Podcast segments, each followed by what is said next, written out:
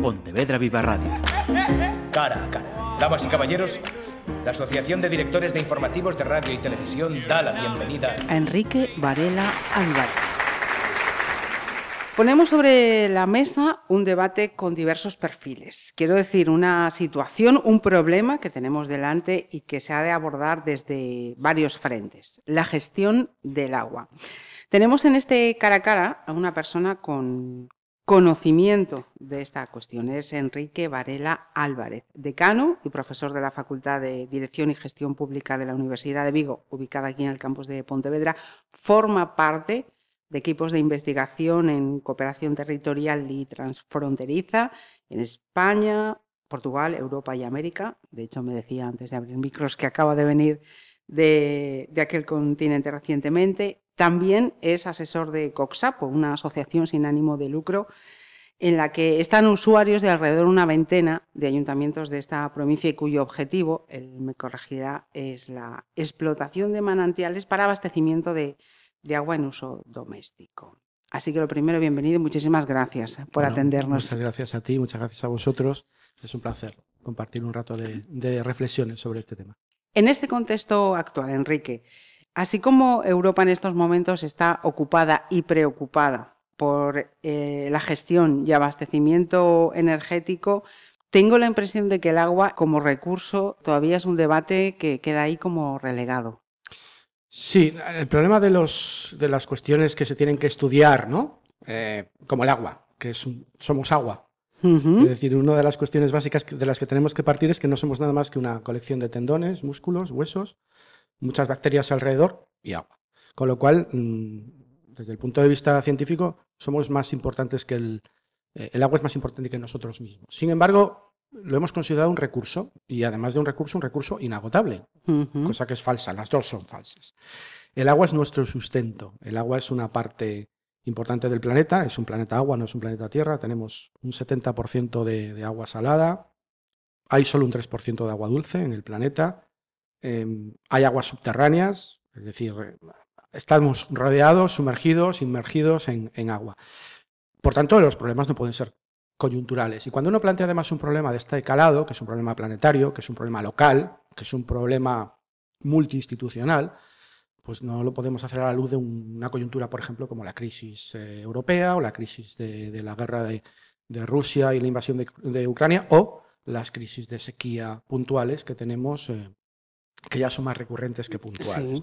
Hay que ver un poco más allá, hay que ver un poco más hacia atrás y ver un poco más hacia adelante. Por tanto, el problema del agua es un problema holístico, es un problema con muchas aristas. Es un problema que tiene que ver con el calentamiento global, pese a lo que le pese a los negacionistas. Es decir, existe un problema científicamente definido desde el punto de vista de los datos y de las evidencias, que es el calentamiento global. Es un problema de sobreexplotación. Por tanto, si nosotros no ayudamos, peor todavía. Es un problema de, mal uso, ¿no? El mal uso no solo en, el ámbito rural, en las ciudades. O sea, una parte importante, para que te hagas una idea, no sé, estamos viviendo casi 55% de, de, personas, en las, eh, de, seres humanos en ciudades, en el planeta. Y se espera que seamos el, el 70% en 2050. Es decir, es un problema urbano. porque los problemas rurales son problemas a menor escala y aunque los hay, obviamente pues tienen menos impacto y son más fácilmente corregibles.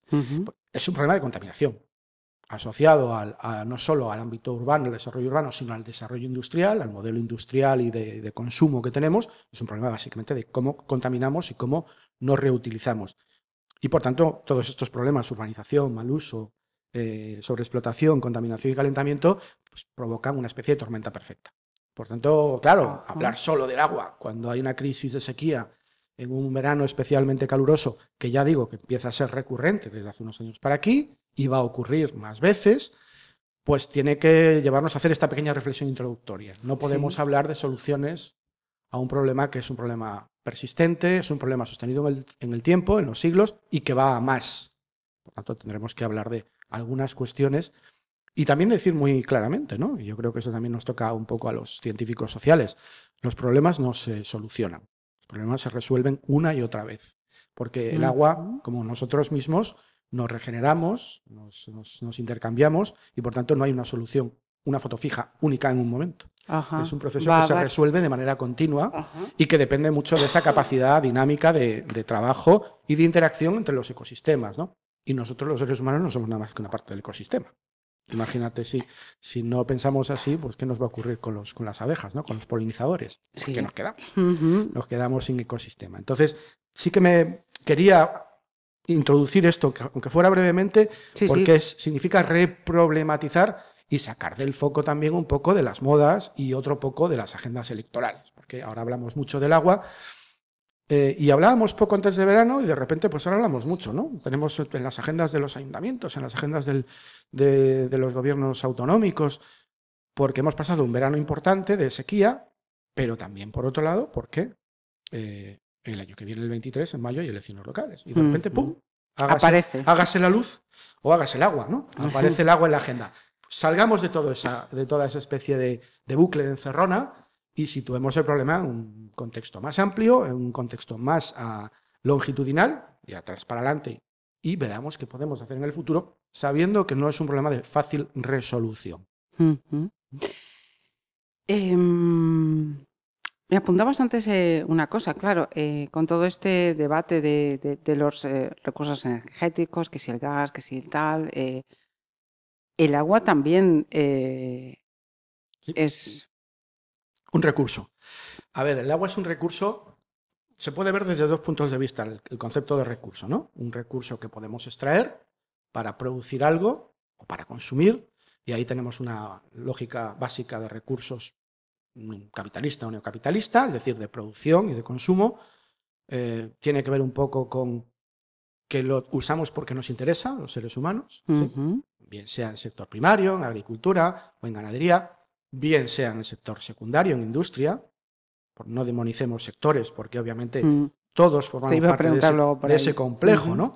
Y por supuesto el sector terciario. del sector servicios, ¿por qué? Eh, construir un edificio consume agua, usar el edificio consume agua y eh, poblar un municipio costero o de turismo rural en el interior consume, agua. Por tanto, no es una cuestión solo de la óptica del recurso como consumo, ya no digo indiscriminado, incluso con, un poco de lógica, ¿no? Si ponemos un número determinado para que la gente acceda a las Islas Cíes o a la playa de las catedrales, ¿por qué no poner un número determinado del consumo de litros? Que es lo que están teniendo que hacer ahora, pues algunos concellos, está teniendo que hacer algunas traídas, porque es lo lógico. No es una cuestión de veleidad ni de, capricho. Es, objetivamente, los datos te dicen no puede usted consumir más. ¿no? Y tenemos que pensar que es finito. Y luego hay otra lógica de consumo de recursos que es muy marginal en el ámbito de las ciencias sociales, pero es muy potente, que, nos, que, sitúa eh, ese consumo fuera de los ejes urbanos y lo sitúa en los ejes rurales, que se llama los recursos de uso común, de lo que hablaba una premio Nobel, eh, politóloga, pero ganó el premio Nobel de Economía, Elinor Ostrom, que hablaba de estos recursos de uso común, de los RUCs. Y los recursos de uso común, por ejemplo, el aire, ¿no? Son el agua también, el agua, el aire, eh, las pesquerías. Esos recursos tienen que ver con cómo las comunidades más pequeñas usan de una forma más o menos sostenible, eh, cómo se organizan, cómo se gobiernan, cómo se establecen sus redes de gobernanza para que ese recurso no se acabe. Claro, eso a una escala menor, a una escala de comunidades rurales, es más fácilmente perceptible. No quiere decir que a mayor escala urbana no se pueda hacer pero es más perceptible y es más factible poder trabajar sobre ella de una manera inmediata. Por tanto, el recurso visto como un recurso de consumo indiscriminado, de producción eh, urbano, hay que sumarle otro tipo de recursos que son más sostenibles, otro tipo de lógicas que son más, más a, medio plazo, que son más reducidas, pero que tienen sus propios ritmos y sus propios sistemas de gestión y que, por tanto, son un sistema más para pensar en el agua como un recurso no solo de consumo, sino de sostenibilidad de la vida, de las comunidades y de la fijación de población y de la calidad de vida en ese ámbito rural o urbano. Porque Galicia si algo tiene es mucho ámbito urbano, y rural. sí, Hay, hay, experiencias en ámbitos urbanos que están en su periferia, en sus parroquias, que son una perfecta comunión de esas dos lógicas de recurso, intensivo en ciudad y más eh, extensivo, pero más sostenible en el ámbito urbano. Fíjate que mientras estabas hablando de un momento que pensaba, digo, no nos olvidemos que llevamos ya un tiempo hablando de, la migración por agua, precisamente. Eso es un clásico.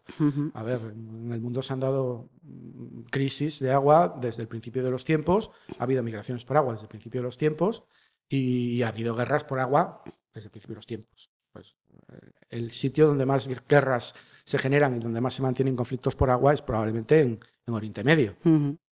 Básicamente porque hay un gran poder económico, eh, político, geopolítico, estratégico y porque no hay agua. La guerra de los, de los israelíes por, por ese control no es por el control del territorio solo, sino por el control de los recursos de, agua. Entonces, bueno, es un clásico. Eh, y la sociedad, los ciudadanos, eh, no estamos concienciados de este problema. Bueno, y de su uso. Los ciudadanos estamos concienciados cuando nos preguntan, ¿no? Nos pregunta el CIS o nos pregunta una empresa y nos dice, ¿está usted concienciado? Claro, ¿qué voy a decir? Pues sí.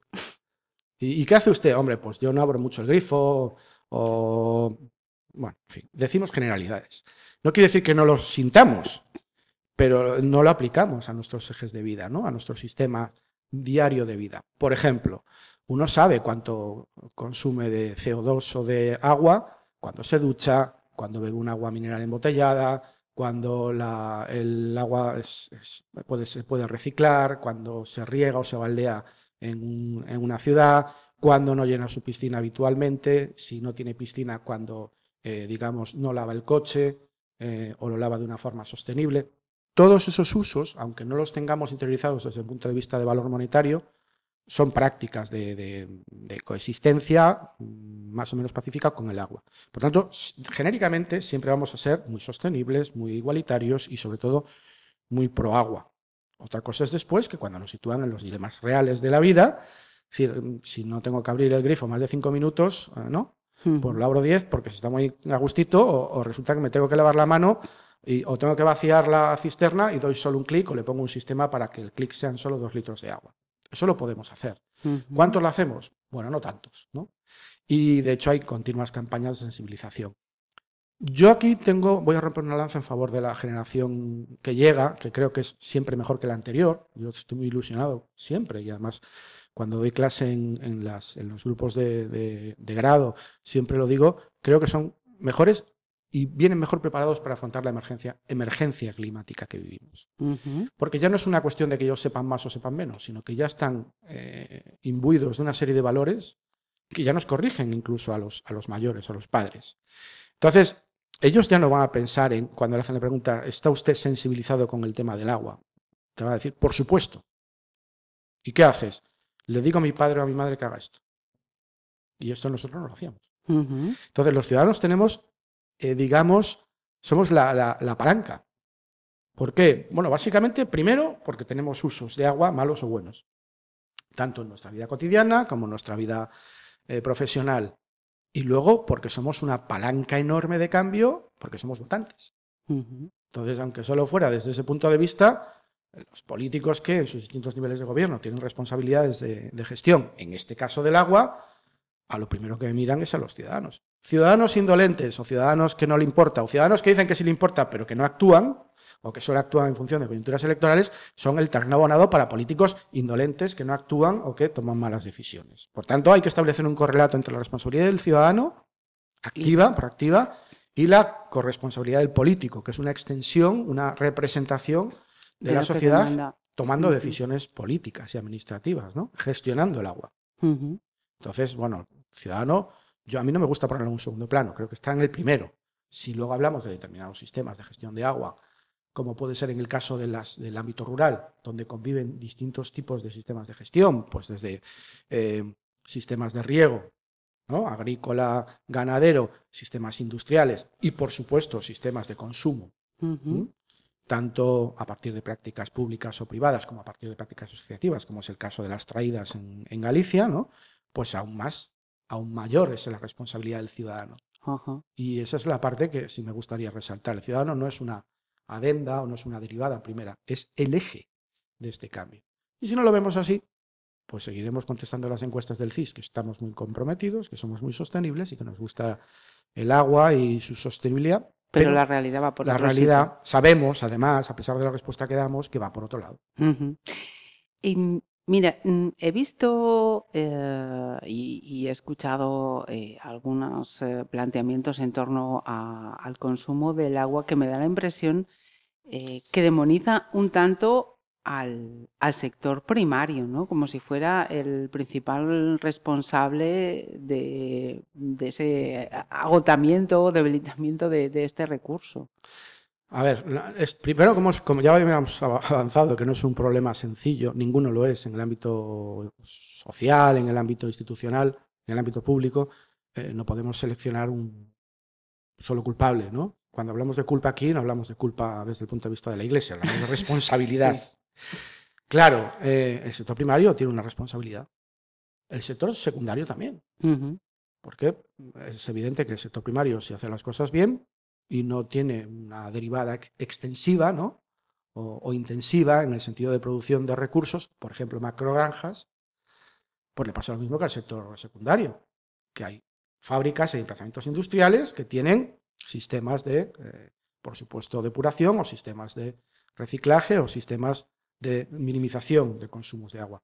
Pero lo mismo ocurre con el, sector terciario. Nosotros vivimos en, en, un eje, en una zona atlántica, en las Rías Baixas, donde la multiplicación de, las, de las ciudades costeras, de los pueblos costeros, es, exponencial en verano. Claro, eso es insostenible. Por tanto, no demonicemos ni a un sector ni a un tipo de práctica, ¿no? Por ejemplo, demonizarle el uso de la, de la gestión eh, en base solo a gestión privada, pues es también una estupidez. ¿Por qué? Pues porque la gestión privada tiene una parte importante como la tienen los ayuntamientos, que tienen responsabilidad, como la tienen las comunidades autónomas y como la tienen también, y ahí hay que introducir en esa, en esa tríada, sector público, sector privado y al sector social, en este caso las comunidades de agua. O las comunidades de riego, que en Valencia son toda una institución. Sí. Una institución, además de la cual eh, pues, se han hecho estudios muy importantes en los últimos 50 años entre ellos, Elinor Ostrom selecciona a las comunidades de, riego en, Valencia como un caso de sostenibilidad de recursos de uso común. ¿no? Yo siempre digo que si Elinor Ostrom, en lugar de, ir a Valencia, hubiera aterrizado en Peinador y hubiera venido para aquí, al, sur de la provincia de Pontevedra, pues habría hablado seguro, seguro de las comunidades de aguas, ¿no? de las traídas. ¿Por qué? Pues porque es el mismo ejemplo, solo que en el caso de Valencia se habla de riego, de sostenibilidad, de la sostenibilidad del riego, eh, como un recurso que no solo produce algo, produce un fruto, sino que produce una forma de vida, una, fijación en el territorio, un ecosistema. Y aquí también. Solo que aquí las comunidades de aguas lo que hacen es trabajar para, primero, conseguir que se mantenga la explotación concesional. Y luego, conseguir que ese agua tenga una calidad sanitaria que garantiza la directiva, la directiva marco de aguas. Con lo cual, hombre, si vemos que en, un sitio, un espacio público, pues está el ayuntamiento haciendo su trabajo de una manera directa o indirecta, ¿no? O compartida. Y luego además hay comunidades de aguas que están haciendo su labor y que encima garantizan unos consumos, unos flujos de agua, una, una potabilización para consumo humano con registro sanitario, pues yo creo que eso, cuando menos lo debíamos ocultarlo, ¿no? Ocultarlo. Y de hecho está ocultado. Si uno revisa los, famosos libros verdes, ¿no? O los libros blancos o los azules, me da igual, tanto en Europa como en España. Eh, bueno, en el de España, en el del 20, el libro verde sobre la gobernanza del agua ya introduce la cuestión de las traídas, ¿no? De las comunidades de agua. Ya empieza a darse cuenta de que es un actor. Eh, mira, hay una, cosa en, esta última respuesta que decías cuando mm, comentábamos lo, de los sectores y te referías al sector eh, terciario, decías, mira, en esta costa, en esta franja en la que estamos, has dicho que es insostenible. Absolutamente. Si tú tienes una población con un sistema, con un ciclo del agua controlado, ¿no? con un sistema de depuración, con un sistema de separación de, aguas, con un sistema de riego, mm, con un sistema de reutilización de aguas, lo tienes para X población. Y eso es así. Eso lo tienes en tus presupuestos, tienes un, pues bien un sistema propio, un sistema apoyado en diputación, un sistema subcontratado a una empresa de gestión privada, es para X. Es como si tú me dices, bueno, es que la Coca-Cola de repente pues tiene que producir más. Pues si tiene que producir más, tiene que comprar más materia prima, más mm. aluminio, más plástico, más. Y tiene que sacar más producto introduciendo nuevos inputs. Si tú introduces nuevos inputs a Coca-Cola, produces más. botellas, latas. Si tú introduces nuevos inputs en un concello de la costa del sur de Galicia, eh, no produces más, porque el agua es la misma. Entonces, a mayores inputs, mayores recursos. Si no tiene mayores recursos, es insostenible. ¿Que es verdad que los municipios viven de, mm, sí, claro, viven de su población y viven de la población de verano y en los municipios de costa y en los de interior, no hay que olvidarlo también con, con el turismo rural, pues es una realidad social y es una realidad empresarial, ¿vale? Pero admitamos, como ya no somos menores de edad, admitamos que hay cosas que no se pueden hacer.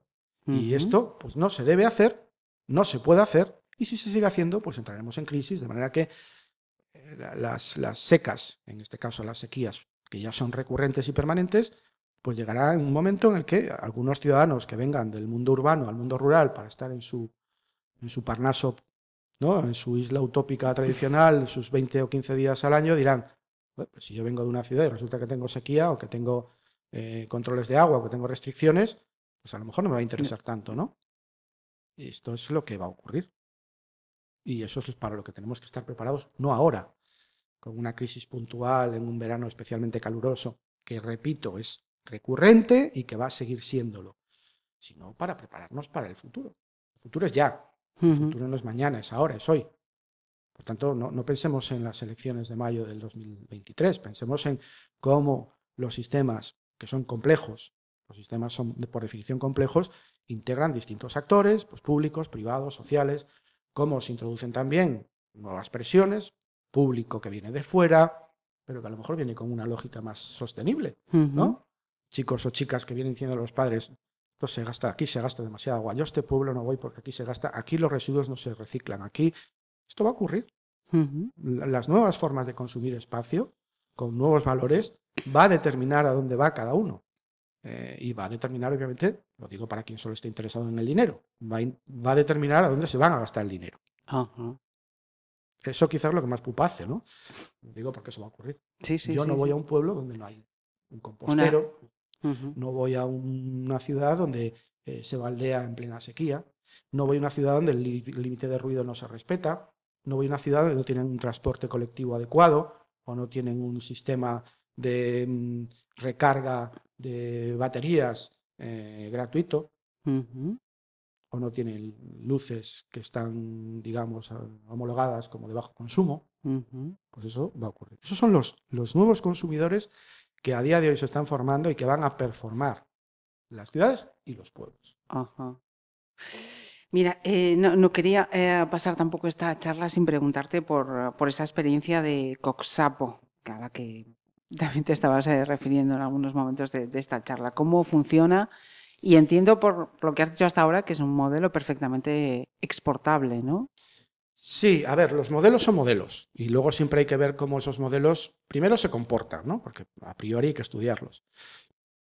Y luego que tienen eso de exportación, eso de hacer trajes y que luego le sirva a todo el mundo, no. Ya, no sirve. Vale. Entonces, yo, yo tuve la ocasión de trabajar y les mando un saludo desde aquí con ellos durante seis meses, además en plena pandemia. empezamos a trabajar, como digo yo, en presencial en enero y acabamos trabajando en, virtual para volver a trabajar en presencial en junio, después de estado de alarma. Pero fue una experiencia maravillosa. Yo ya había oído hablar de ellos y ya había visto, porque yo he veraneado en el rural, en Galicia, durante mi infancia, y, pero no los había visto trabajar. Esta es una asociación que, se forma a partir de una traída, de una comunidad o de varias comunidades de aguas. Por tanto, el, conocimiento, el know-how es, de dentro. No es una asociación que, se cae de un avión y se planta y, vamos a inventarnos algo. Por tanto, en el ADN de esta asociación están las traídas. Y ellos lo que intentan hacer es algo que casi nadie ha querido hacer, que es ponerse delante del problema intentando crear un sistema de gobernanza de las traídas. La palabra gobernanza, que es una palabra muy usada, muy mal usada y de la que algunos, pues, pues, digamos, hemos hecho bandera y hemos defendido, en el caso del agua es clave porque la gobernanza significa introducir un sistema de gobierno y de gestión donde estén todos, donde todos tomen decisiones y donde no siempre todos ganen, a veces pueden perder, ni todos tengan razón al mismo tiempo. Es un sistema que introduce normas, es un sistema que introduce organización, es un sistema que introduce conocimiento. Esto lo hace COSAP. Lo hace con pocos recursos, porque es una asociación, pero aún así para que tengas una idea, pues es que casi son 170 traídas de toda Galicia, porque no solo están en Pontevedra, están también algunas en Coruña y en Lugo, Ah, en, en. Y luego que estamos hablando de, de más de 70.000 personas. Es decir, estamos hablando de una cantidad, De una cantidad respetable que podía ser una, de las grandes ciudades de, ¿no? de Galicia. Teniendo en cuenta que en Galicia hay siete grandes ciudades, Sí, sí. pues podía ser una de las siete grandes ciudades de Galicia. El número de, usuarios. Sí.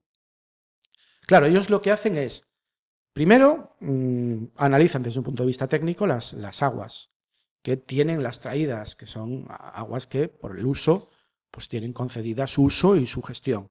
Y luego lo que hacen es introducirlas en la normativa europea de aguas.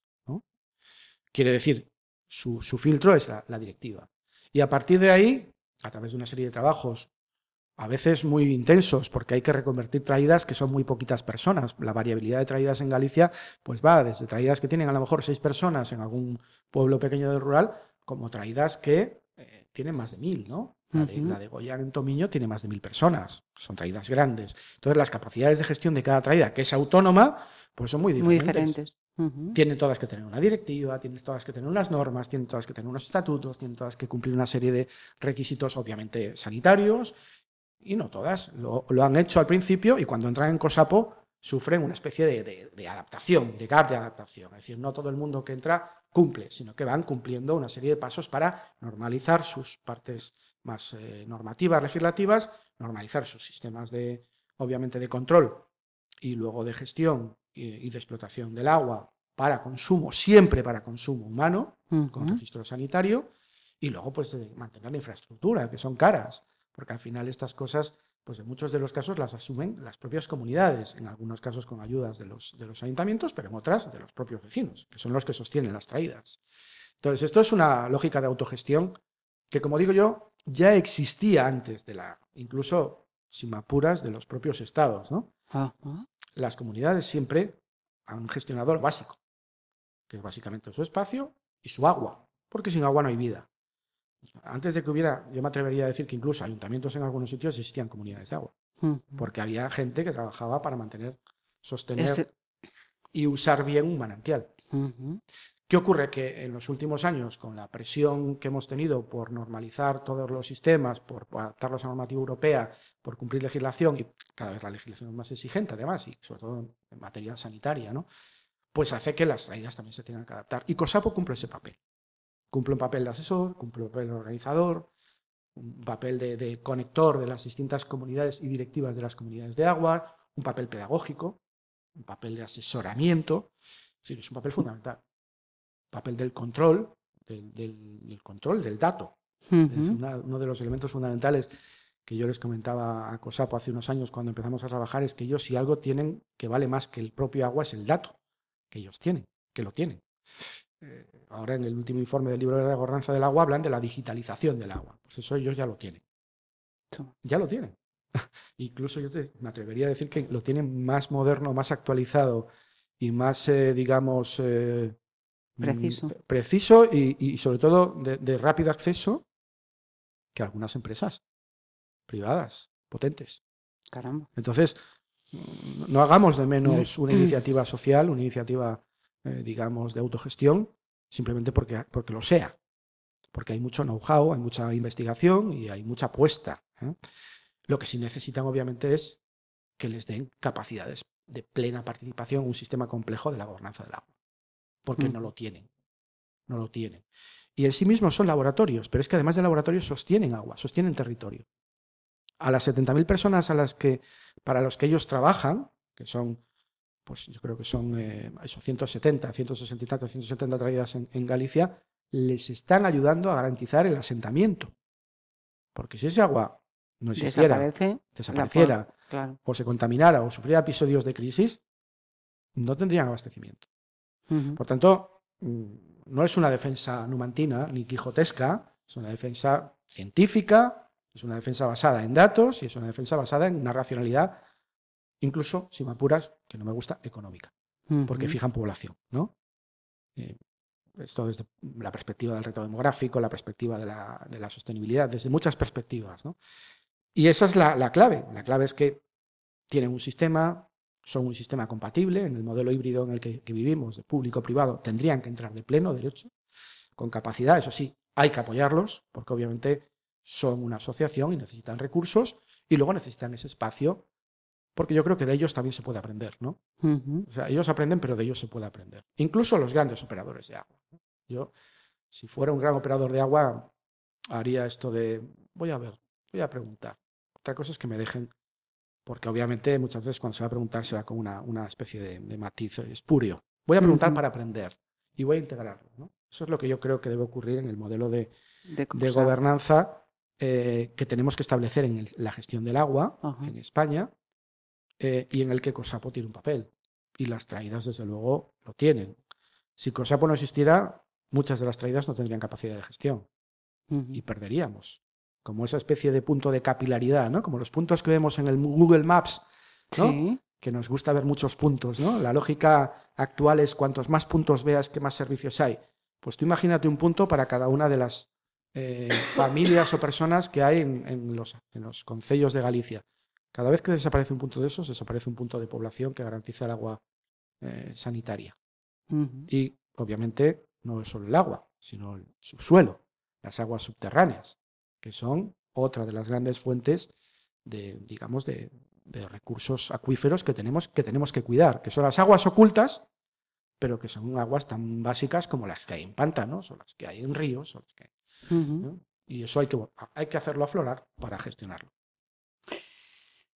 Pues yo creo que hemos aprendido unas cuantas cosas, que solamente lo que hemos hecho ha sido em, poner algunos puntitos, ¿no? Porque me decía Enrique, bueno, el debate podemos estar aquí horas hablando, debatiendo, vamos a tratar de ser precisos, concretar algunos aspectos, porque desde luego el, debate eh, e, está ahí y, y que no sea solamente una cuestión, como decías tú, de, cada cuatro años con una convocatoria electoral, porque es absurdo.